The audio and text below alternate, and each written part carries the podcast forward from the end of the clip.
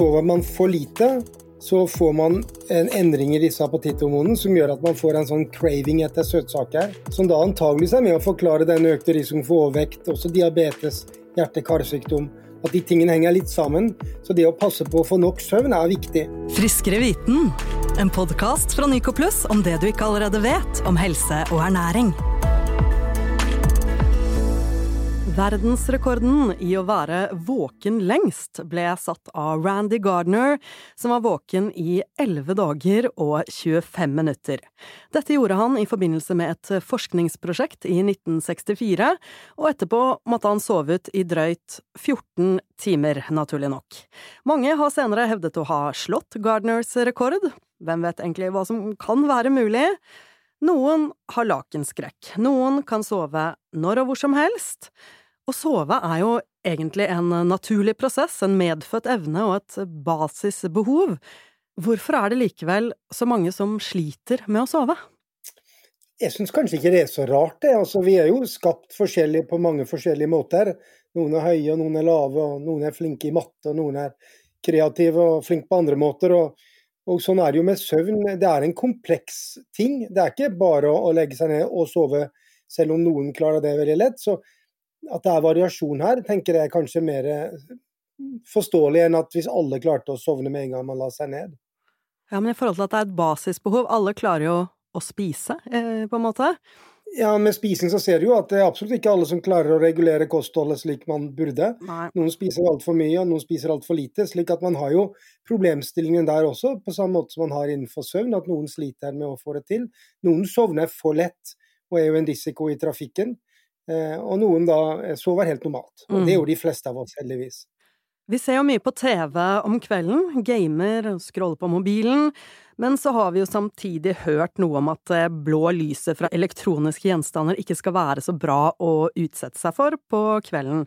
Hvordan fungerer det der? Nei, altså Lys kan du si er, er veldig viktig for å holde oss, oss, våkne. Det er jo en grunn til at vi sover når det er mørkt og er våkne når det er lyst. Og I lyset, i sollyset så er det særlig de blå bølgelengdene som viser seg å være mest aktiverende. Det som på en måte eh, påvirker døgnrytmen mest og holder oss mest våkne. Og Derfor er det viktig å dempe lys, særlig disse blå bølgelengdene om kvelden, for å få ro, og slik at vi klarer å sovne. Nå er det jo slik at, at mange av disse, sånn både mobile og nettbrett, har jo et slikt blåfilter som man kan sette på, slik at problemet rundt dette med disse PC, TV-skjerm og sånt er kanskje ikke så stort som det en gang var, fordi de aller fleste, håper jeg da, bruker dette blåfilteret om kvelden. Og så er det et konsept det å sove ut i helga, for eksempel. Fungerer det? Kan man ta igjen søvn? Er det helt ok å sove lite i ukedagene og hente seg inn igjen ved å sove lenge lørdag og søndag? Altså, det er jo et spørsmål de får veldig ofte, og det er jo for så vidt sant at man henter seg litt inn igjen. Det er jo derfor man sover lenger i helgene, fordi man føler man har et utbytte av det. Men man tar aldri igjen alt man har tapt. Så du kan si fra et sånt kjedelig søvnekspertståsted, så er det da anbefalt å prøve å få nok søvn hver dag. Det kommer vi sikkert litt tilbake til når vi skal snakke om helserisikoer ved å sove for mm, lite. Mm. Men det er klart det er bedre da å sove litt ut i, helgen, i helgene enn hvis man er på veldig underskudd. Så lenge ikke døgnrytmen begynner å gli. da. Og Det vi ser særlig for ungdom, er jo at de sover veldig lenge i helgene og så kommer jeg da natt til mandag hvor de får problemer med å sovne fordi hele døgnrytmen har snudd seg til amerikansk tid. Ja, så det nytter heller ikke å lagre opp på forhånd? Sove seg opp på forhånd? Nei, det er jo veldig vanskelig. Så anbefaling er egentlig å prøve å holde så stabil døgnrytme og få nok søvn hver eneste dag. Det er jo litt det samme med kosthold og mosjon òg, at man skal prøve å holde det på det jevne. Slik at det er vel sånne generelle gode råd, det å være stabil. ikke sant. Velkommen, Bjørn Bjorvatn. Du er lege og søvnforsker, noe du har mer enn 30 års erfaring med. Du har skrevet enormt mye på temaet søvn og gitt ut flere bøker. Hvordan endte du opp med å velge denne retningen? Ja, Det var egentlig litt tilfeldig. Jeg begynte å studere medisin her i Bergen i 1984, var det vel, og var interessert i hjernen. Jeg eh, hadde vært i USA og tatt et psykologikurs, jeg syntes hjernen var spennende. Så jeg så etter et miljø som holdt på med hjerneforskning. Eh, og akkurat her som jeg studerte, så var det søvn som var på en måte det hjernemiljøet akkurat her på preklinisk eh, som gjorde at jeg havna på søvn. Så det var litt tilfeldig det hele, egentlig. Som med mye i livet. Ja. Åse, vår faste kliniske ernæringsfysiolog, er også her i dag. Hva er ditt forhold til søvn? Jeg har blitt veldig avhengig av denne smartklokka mi. Jeg starter hver eneste morgen med å se liksom, hvor mange timer har jeg sovet, hvor stor andel er rem-søvn og dyp søvn.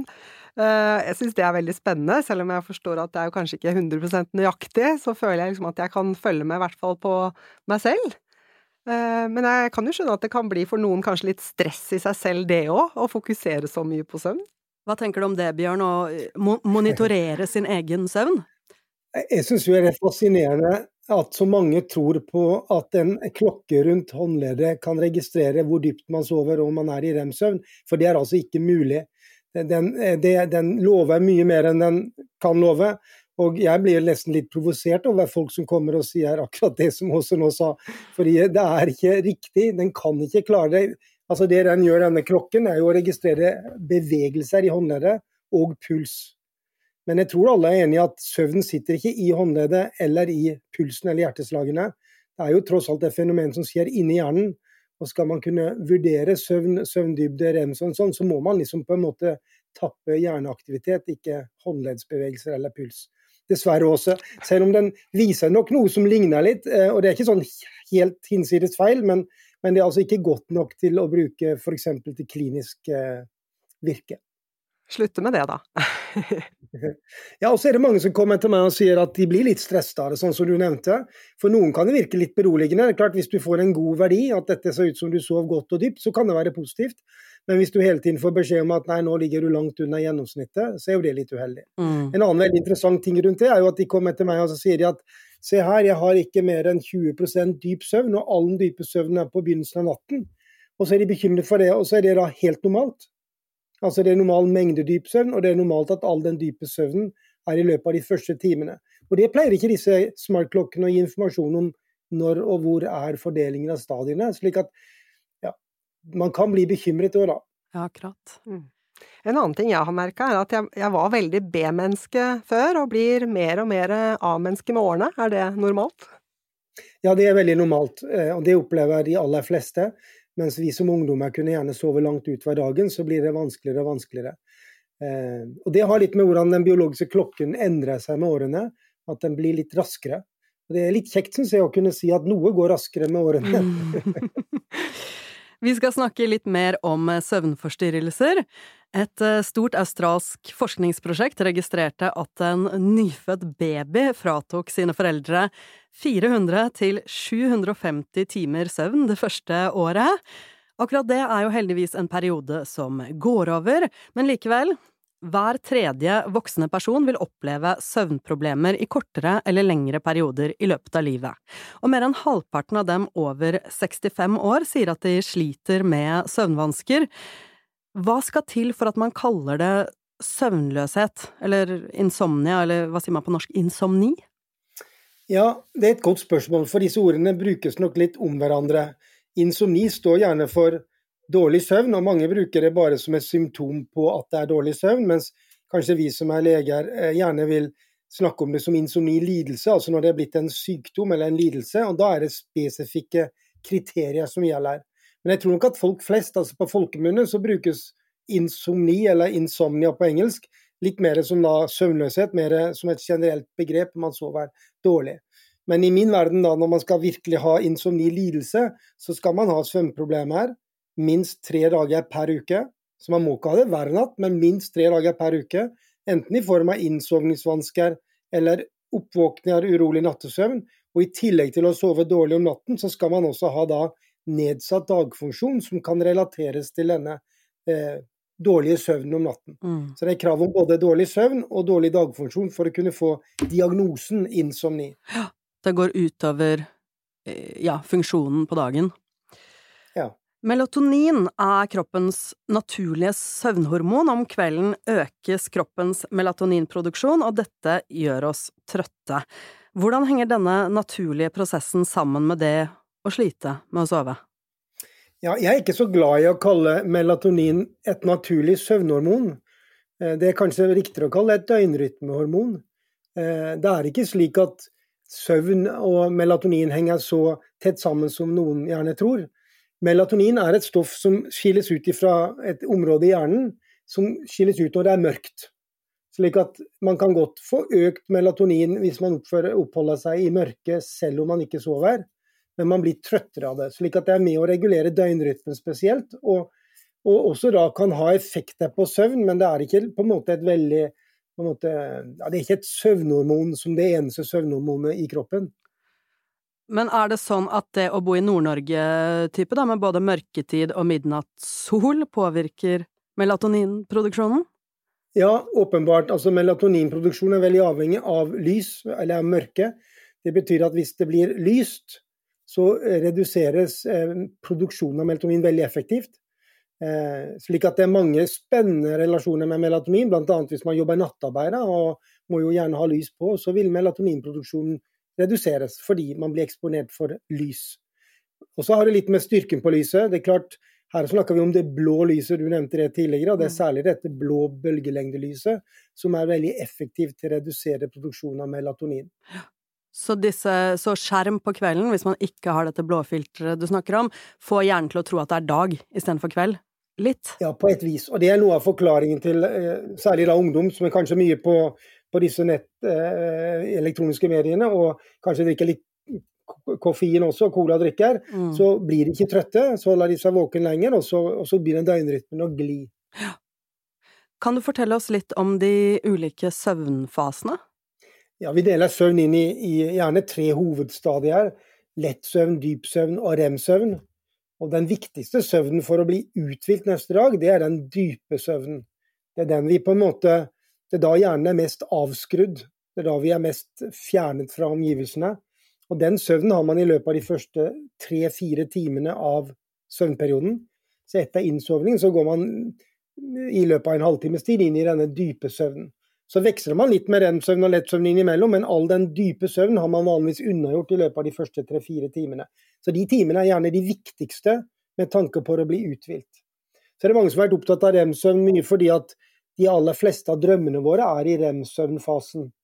Særlig drømmer som er sånn merkelig rare, bisarre, der vi lurer på hva i all verden var det nå som skjedde. Det er typisk rem-søvn-drømmer. Og rem-søvn har, har, vi hvert 90. minutt i løpet av natten. Det er det som kalles søvnsyklusen, som er på ca. 90 minutter. Men det er vanlig å ha mer og mer, altså lengre rem-søvnperioder mot morgenkvisten. Så det er ganske mange av oss som våkner opp ifra rem-søvn. Og gjør vi det, så merker mange, eller husker mange en drøm. Eh, for hvis det vekkes opp ifra rem-søvn, så er det lettere å huske en drøm. Men rem-søvn er lett, et lett søvnstadie. Det er lett å våkne, i motsetning til dyp søvn, hvor det er vanskelig å våkne så er rem-søvn et lett søvnstadie, så har det ikke så mye å si for å bli uthvilt. Men man tror at rem-søvn har betydning for veldig mye, det også, bl.a. å regulere emosjoner av det psykiske helse, psykisk helse, og også for problemløsning og kreativitet. Så Man har gjerne hørt om det begrepet at man sover på noe, og så mm. kommer løsningen mm. neste dag. Det vil typisk være noe man tenker skjer under rem-søvnen. Har det også med drømmene å gjøre, at man bearbeider ting i drømmer? Jeg vet ikke om drømmetydning er en del av ditt fagfelt? Ja, vi, vi litt, har en litt annen syn på den drømmetydning, men, men, drømmer, altså akkurat det at hjernen er så våken under rem-søvn, forklarer hvorfor man drømmer mye. Også kan forklare denne prosesseringen, denne, eh, at man kan løse et problem. Fordi hjernen er såpass våken under rem-søvn at man kan se for seg at den kan prosessere eh, minner og, og, og, løse oppgaver. Mm. Eh, mens under dyp søvn så er altså hjernen på en måte ganske avskrudd. da. Eh, og da er det vanskelig å se for seg at man på et vis kan drive problemløsning. Ja, det er interessant. Vi snakka jo innledningsvis om å sove lite i uka og mer i helga, og du anbefaler eh, heller et jevnt opplegg, men hva med innad i døgnet, er det et problem også hvis man sover noen timer på dagen og færre timer om natta, istedenfor å sove alle timene sammenhengende? Ja, Det spørsmålet får jeg også ganske ofte, og det er egentlig litt vanskelig å svare på det. Vi kan snu litt på det heller. Altså, hvis man har problemer med å sove om natten, så er jo et av de første rådene vi gir, er å droppe all dagsøvn. Da er det jo viktig å bygge opp størst mulig søvntrykk til å få sove om natten. Men hvis man ikke har et søvnproblem i det hele tatt, men rett og slett ikke tid til å sove nok om natten, så vil jo det å ta høneblønner eller sove på dagen være med å kunne la tingene gå rundt. Så jeg tenker det er ikke nødvendigvis noe negativt i å ha dagsøvn Men det er kanskje best å prøve å sørge for å få nok søvn om natten. Men hvis man ikke har anledning til det, så er en høneblund på dagtid helt OK for min del. Men, men da er det jo viktig at ikke du opplever at det forstyrrer nattesøvnen, da. Mm. Ja, så det kommer litt an på hvor problemet ligger. Og at det er litt som med feriedager, da, at man kan ta noen her og der, men man skal helst ta tre uker i strekk, sånn at du får den ordentlige effekten av ferien og eh, feriefølelsen. Du, jeg er nødt til å spørre, når jeg har det her, er det individuelt, eller er det et fasitsvar på hvor mange timer man må eller bør sove hver natt. Jeg har hørt eh, åtte timer, men det er litt sånn urealistisk i mitt liv. Ja, fasiten på det er at det er store individuelle forskjeller i søvnbehov og søvnlengde. Slik at eh, mange hører dette åtte timer. Det er en myte. Det er ingen vitenskapelig grunnlag for å hevde at alle trenger åtte timer med søvn. Eh, det er likevel noen som hevder det, men det er altså ikke noe vitenskapelig belegg for det. Snarere tvert imot er det mer enn nok belegg for at vi er skapt forskjellige. Det betyr at noen klarer seg med seks timer, andre må ha ni timer. Eh, men gjennomsnittlig i Norge så ligger jeg kanskje rundt syv timer. Og så er vi jo bekymret for at noen sover for lite. slik at vi vil jo gjerne anbefale folk å sove lenge nok. Og hvordan kan man vite om man har sovet lenge nok? Og da kan jeg vel kanskje stille heller spørsmål ved om man hver eneste morgen må ha vekkerklokke og trenger en eller to kopper kaffe for å komme i gang. Da kan jo det tyde på at man er litt på underskudd. Kanskje noen følte seg Ja, jeg følte, følte, meg truffet. Jeg trenger lang tid på å våkne, men så um, fungerer jeg veldig fint resten av dagen og tenker at det er et parameter på at jeg sover nok. Da. Det at man kjenner det på seg selv, at man fungerer. Og blir trøtt, trøtt i kvelden igjen. Det er absolutt det beste parameteren. Så fungerer man godt, og da er jeg helt enig, man bør ikke se på nødvendigvis første timen. Alle B-mennesker vil føle seg tunge første timen. Men hvis man på en måte fungerer greit i løpet av dagen, ikke har store problemer med å holde seg våken, så er det all grunn til å tro at man sover lenge nok, uavhengig av mange timer man har sovet. Mm. Stort spørsmål, men hva kan man gjøre hvis man sliter med å sove? Ja, det, det første vi anbefaler, er jo egentlig å finne ut av hvilken eh, grunn er det til det, altså hva slags diagnose. Fordi innenfor søvnfeltet så er det over 50 ulike diagnoser. Og naturlig nok blir jo de behandlet litt forskjellig. Og Derfor er det viktig å vite er det insomni, som vi har snakket om tidligere, eller er det en helt annen søvnlidelse. Det kunne være for den saks skyld søvnapné, som sikkert noen av dere har hørt om, som er en helt annen type søvnlidelse, som trenger en helt annen tilnærming. Samme gjelder døgnrytmelidelser, som er en annen lidelse enn insomni, som krever en annen tilnærming enn insomni. Eh, så det er det første å vite hva det er. Eh, og hvis det er insomni, så er det det som kalles kognitiv atferdsterapi for insomni, som er anbefalt behandling. Eh, som er en veldig effektiv, ikke-medikamentell tilnærming med veldig god effekt hos de aller fleste pasientene. Men den er jo ikke anbefalt den behandlingen hvis man har en annen søvnlidelse enn insomni. Hva med liksom den litt mer hverdagslige å, jeg får ikke sove, jeg sliter som å sove for tida fordi man er jeg vet ikke, stressa eller bare kan, Man kan vel slite Mange kan slite med å sove, tror jeg, uten å ha en søvnlidelse. Ja da, det er klart. Og man skal ikke heller overdrive nødvendigvis hvor farlig det er å sove dårlig en gang i ny og ne, for jeg tenker at det er vel naturlig i, eh, at man eh, har det av og til. Altså, det å leve er jo av og til utfordrende. Av og til så har man bekymringer, av og til så har man eh, kanskje drukket en kaffekopp for seint osv. Så, videre. så jeg tenker å normalisere det at man har en natt eller to med dårlig søvn, det tenker jeg er naturlig. Jeg vet ikke om det går an å gå gjennom et helt liv uten å ha en eneste dårlig natt. Det, det ville være litt underlig, tenker jeg. Eh, men generelt sett så gjelder disse rådene jeg snakket litt om tidligere, det å ha regelmessig døgnrytme, det er et viktig moment. Også. unngå å drikke koffein og, og, gjøre aktiverende ting om kvelden er jo et viktig moment. Mm. Unngå å ta alle bekymringene med seg til sengs er jo også en, en viktig ting. Eh, stresse litt ned. Ikke ha det altfor busy. Unngå å bruke elektroniske medier i sengen. Eh, apropos det, altså nå er det jo ikke tvil om at et flertall, særlig blant unge mennesker, bruker jo mobilen mm. i sengen etter at de har lagt seg. Mm. Det er jo ikke det vi nødvendigvis tenker på som det beste søvnrådet. Eh, og noe av grunnen til det er at man vet jo ikke helt Det kommer litt an på hva man gjør på mobilen, selvfølgelig, men hvis man leser meldinger, så vet man jo ikke helt riktig hva man får av meldinger. Det kan jo være ting som gjør en urolig og, og, og lei seg osv., som kan forstyrre søvnen. En annen veldig viktig ting er å stå opp regelmessig og få dagslys på øynene kort tid etter man har stått opp. Mm. For det er da med å redusere melatoninen, og dermed gjøre en våken og holde døgnrytmen på plass. komme seg ut first thing? Ja, altså det er klart, mange av oss opplever jo at det er lettere å våkne og stå opp i sommerhalvåret mm. enn det er i mørketiden. Ja. Og noe av grunnen til det tror vi er at man da i mørketiden står opp, går på jobb når det er mørkt. Så kommer man gjerne hjem når det er mørkt. Man får ikke denne dagslyseksponeringen som er viktig for å på en måte redusere og holde melatonin og døgnrytmen på plass. Ja. Det er, veldig, altså det er veldig gjenkjennelig. Ting faller på plass når du sier det.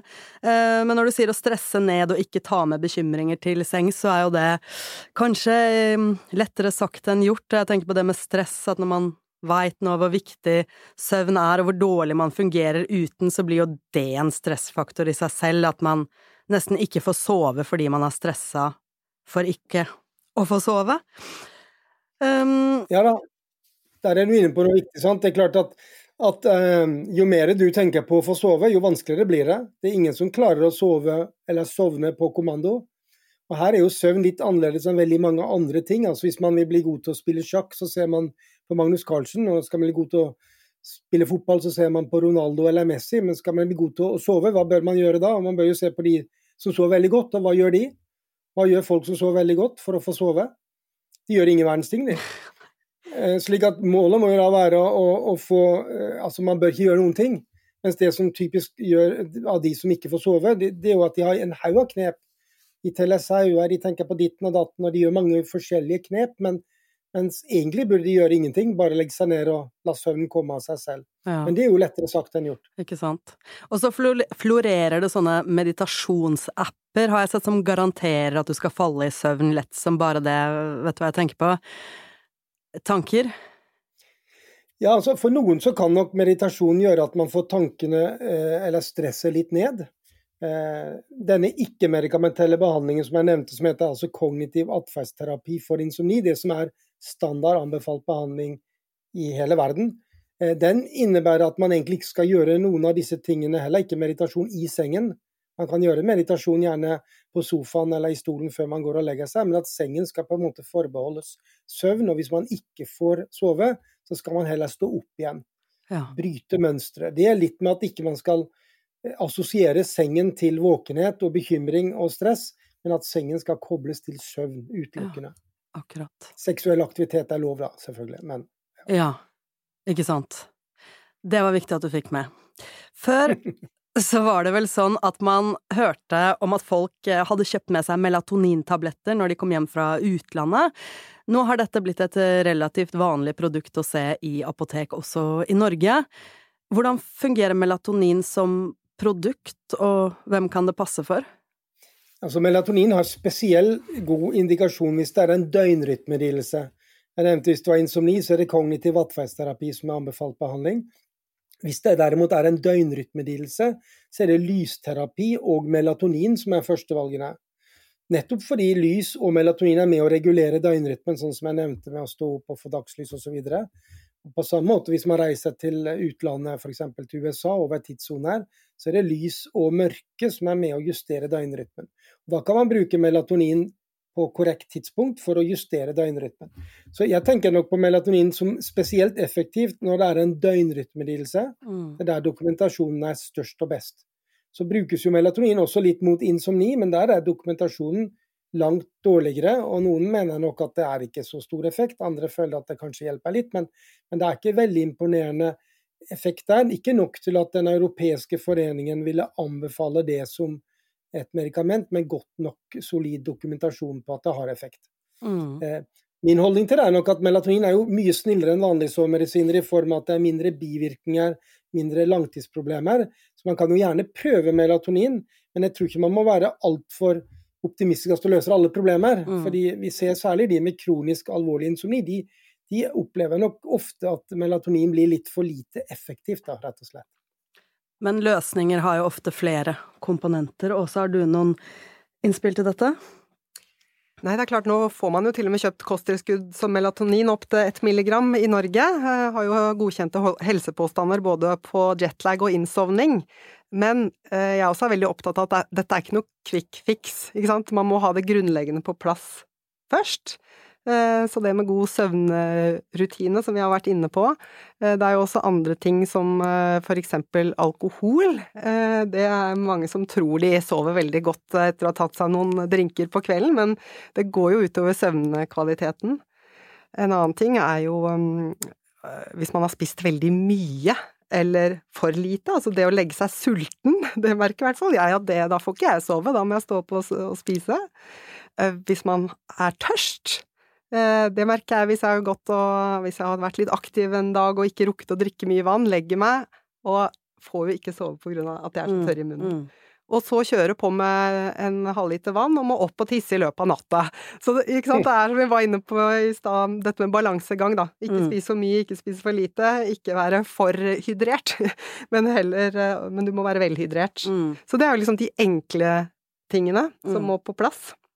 Melatonin eventuelt, må det tas hele tiden for å få en jevn rytme over tid, eller er det noe du kan ta liksom, en søvnløs periode hvis du ligger én natt og ikke får sove? Ja, altså Det kommer litt an på hva man skal bruke det for. Hvis man tenker jetlag, altså reise over tidssoner, så er jo det der dokumentasjonen på melatonin kanskje aller best. Eh, og Da er det jo gjerne nok med melatonin noen få dager, så har man fått rytmen på plass. Da er det ikke nødvendig å ta det videre. Eh, så man kan ta melatonin av og, til, men mange har jo et kronisk problem, også et problem som er der stort sett hver eneste natt. Mm. Eh, og da vil jo effekten av melatonin ikke være der de dagene du ikke tar. Mm. Slik at for noen så blir man jo avhengig av å måtte ta preparatet daglig. Og her er vi mindre bekymret da enn vi er ved vanlige sovetabletter. fordi i motsetning til vanlige sovetabletter, så er det ikke noen grunn til å, å være redd for at melatonineffekten vil tape seg eller forsvinne ved gjentatt bruk. Mm. Det er jo det man gjerne opplever med det vi vanligvis kaller sovemedisiner. At de på en måte virker eh, De har det vi kaller toleranse. Eh, akkurat det samme som alkohol. Hvis du drikker alkohol en gang i ny og ne, så har man jo én opplevd effekt. Drikker man alkohol hver eneste dag over mange uker, så tror jeg de fleste skjønner at det vil gi en annen type effekt, som, som kanskje ikke er helt det man hadde ønsket. Og Sånn er det gjerne med sovemedisiner òg. Tar man det hver eneste kveld, så ser vi ofte at effekten taper seg. Og etter hvert så sitter man kanskje igjen med ikke så god effekt, men man er blitt avhengig og klarer ikke å, slutte. Det er liksom hovedproblemet rundt sovemedisinbruk hvis man tar det daglig. Ja, så selv om man kan få melatonin på resept, så ja, er det en viktig distinksjon mellom det og, og vanlig, eller og annen sovemedisin. Vil du si noe mer om det? Nå hører man jo liksom Tabloidpressen er veldig opptatt av at sovemedisinbruken har gått opp, og det går liksom ikke så bra i Norge. Men, men det er ikke tilfellet, det er ikke korrekt. Det har vært ganske stabil uthenting av hypnotika i, i mange år. Litt høyere nå under pandemien riktignok, men ellers ikke noen bekymringsfull økning. Men det vi ser når vi ser innad i sovemedisingruppen, så er det færre som bruker vanedannende medisiner, mm. og flere som bruker melatonin.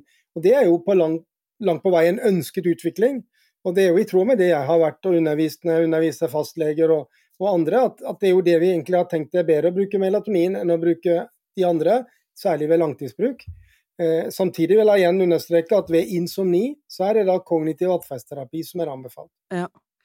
Åse, du var jo allerede i gang med å si litt om eh, kosthold og matvaner. Vil du si litt mer om hvordan dette spiller inn på hvor godt vi sover?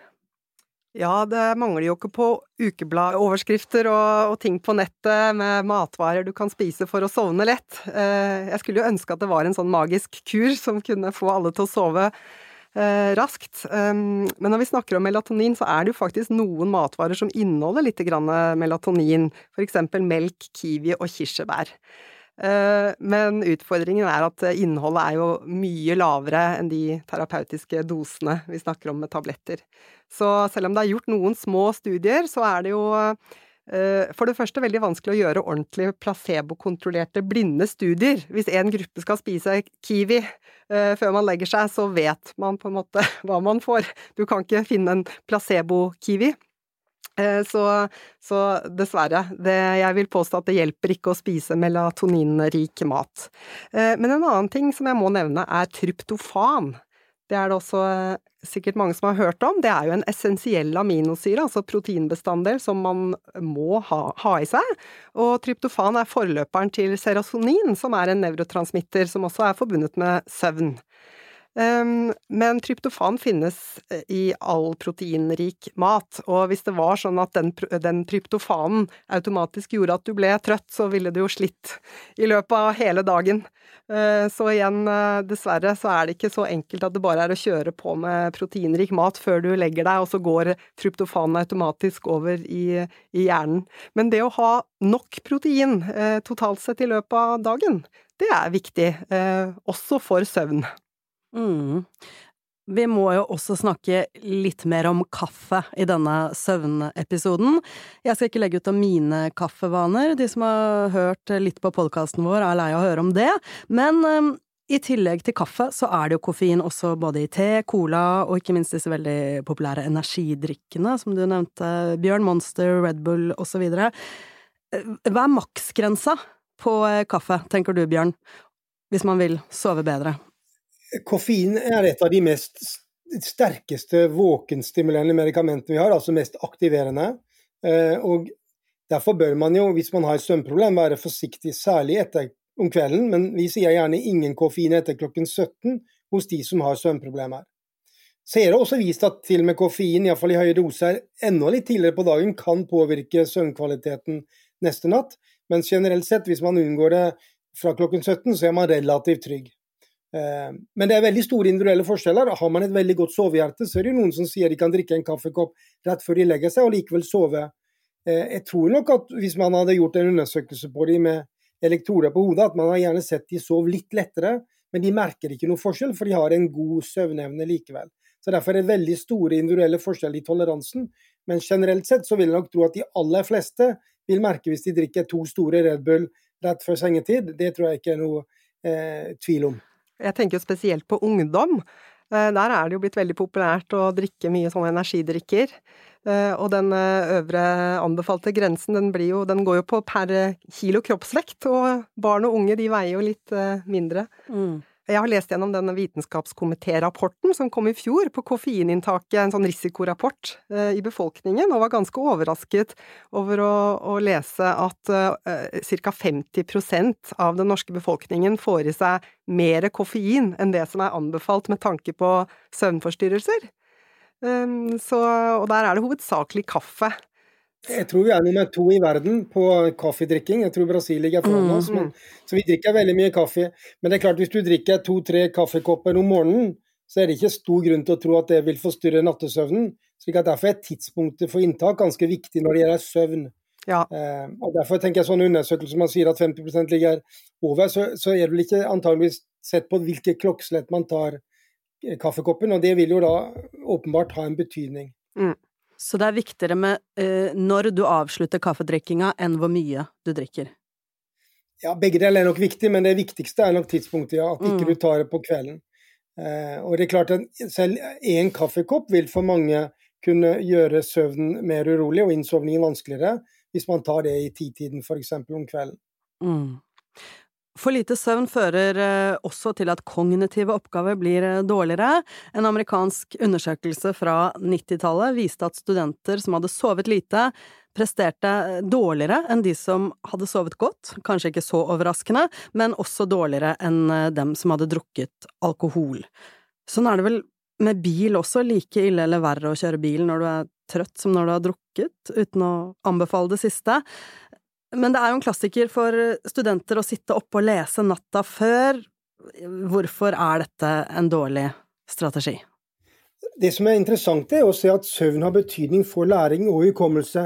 Under søvn så legges liksom minnene på faste lagre i hjernen, og man også integrerer med nye gamle minner, slik at man forstår.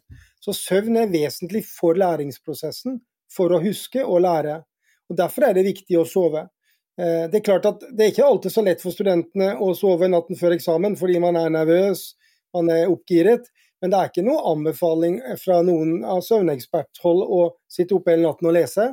Det beste ville vært hvis man fikk en god natts søvn. Da legger jeg gjerne det man har lest den dagen eh, før eh, seg på minnet, at man husker det bedre når man skal teste seg eller ta prøven. Samtidig er det nok lett å forstå at man gjerne får urolig nattesøvn natten før eksamen mange gjør det, og det går jo stort sett greit på eksamen likevel, så man skal ikke overdrive det. Men, men anbefalingen er iallfall ikke å sitte og lese hele natten. Det er viktig å roe ned, slappe av og prøve å se om man får seg noen timer søvn. Ja, også det du sa i stad om at da å sove på det, at ting bearbeides og faller litt på plass, gratis, på en måte.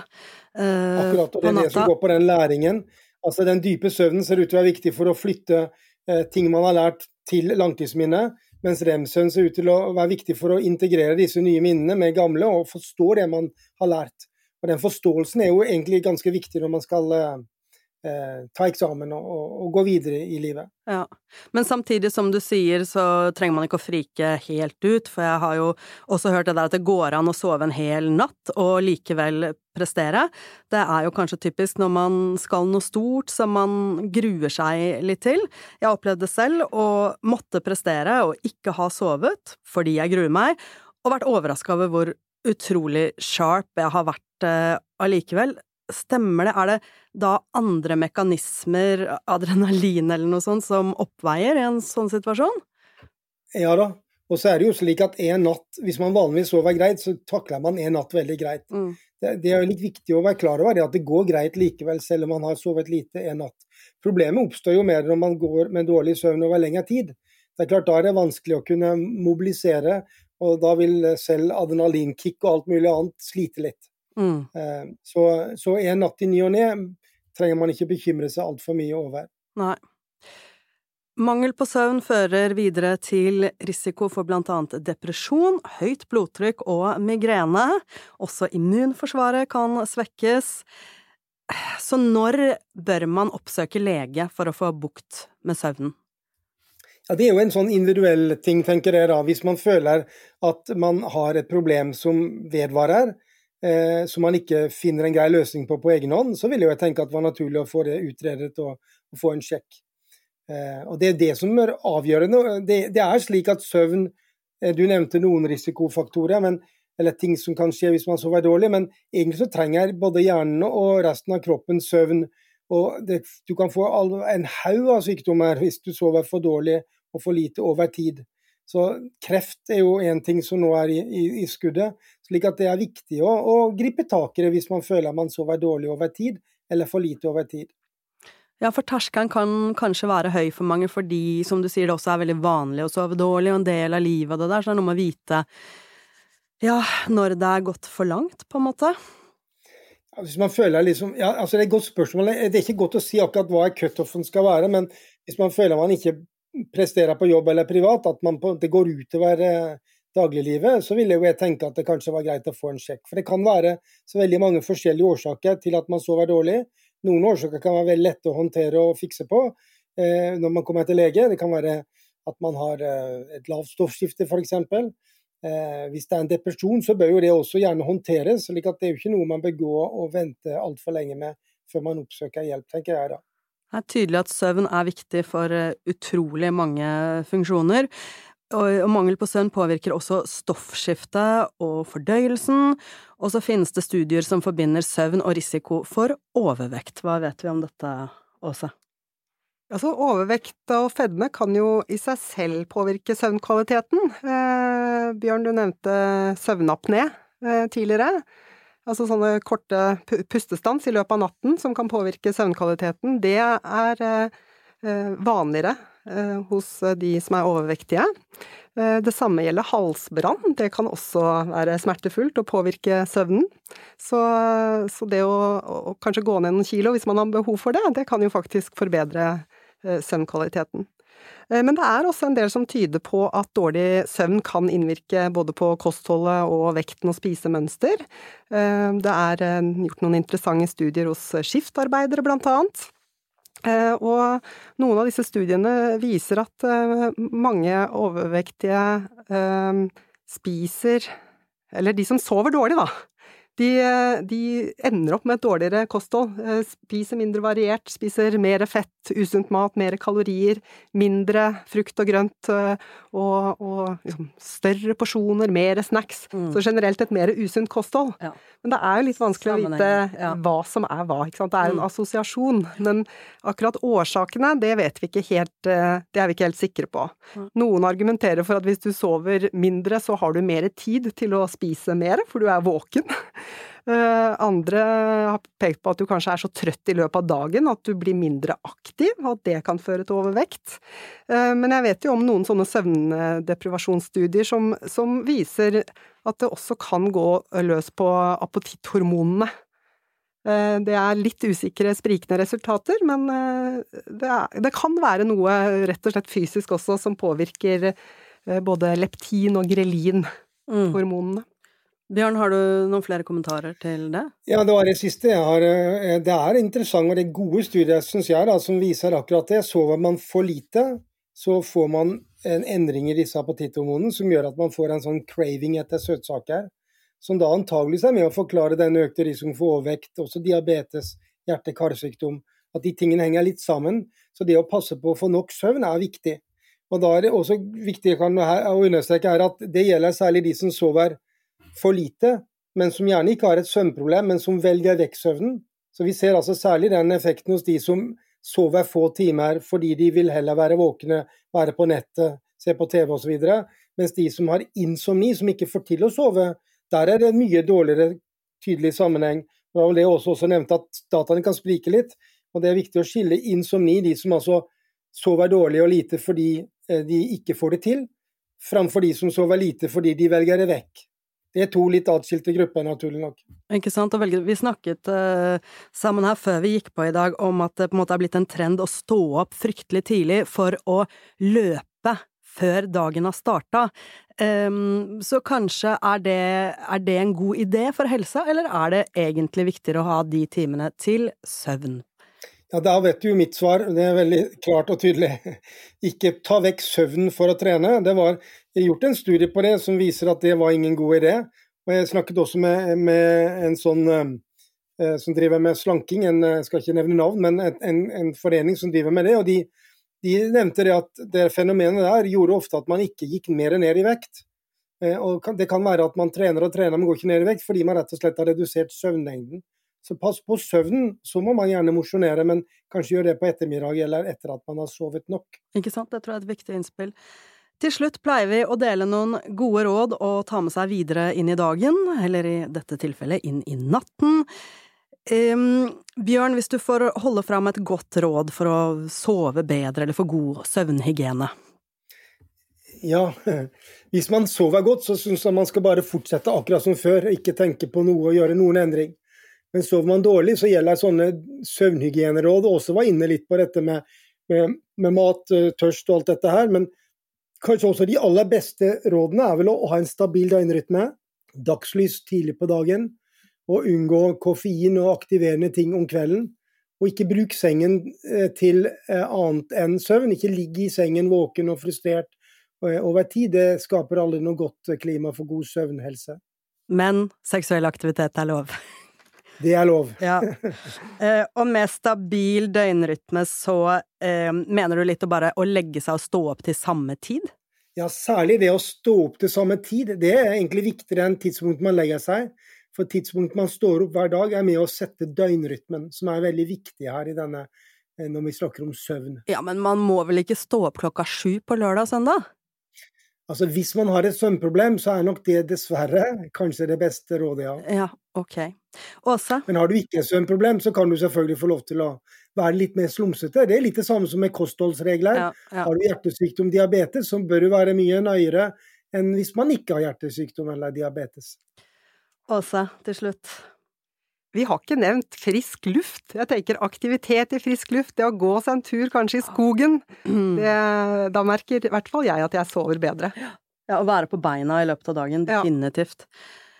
Mitt råd til slutt er ikke et råd for å sove bedre, men en gjentagelse av klisjeen som vi har nevnt her tidligere i dag, og som du kanskje har fått innprenta fra bestemor eller noe sånt. Det er et generelt livsråd. Når det har skjedd noe kjipt, når du har sagt noe dumt, det er noe du ikke veit åssen du skal løse, det hjelper å sove på det. Hvis du sliter med å sove, er du ikke alene. Jeg håper du i løpet av denne episoden har kunnet plukke opp noen gode råd som kan funke for deg.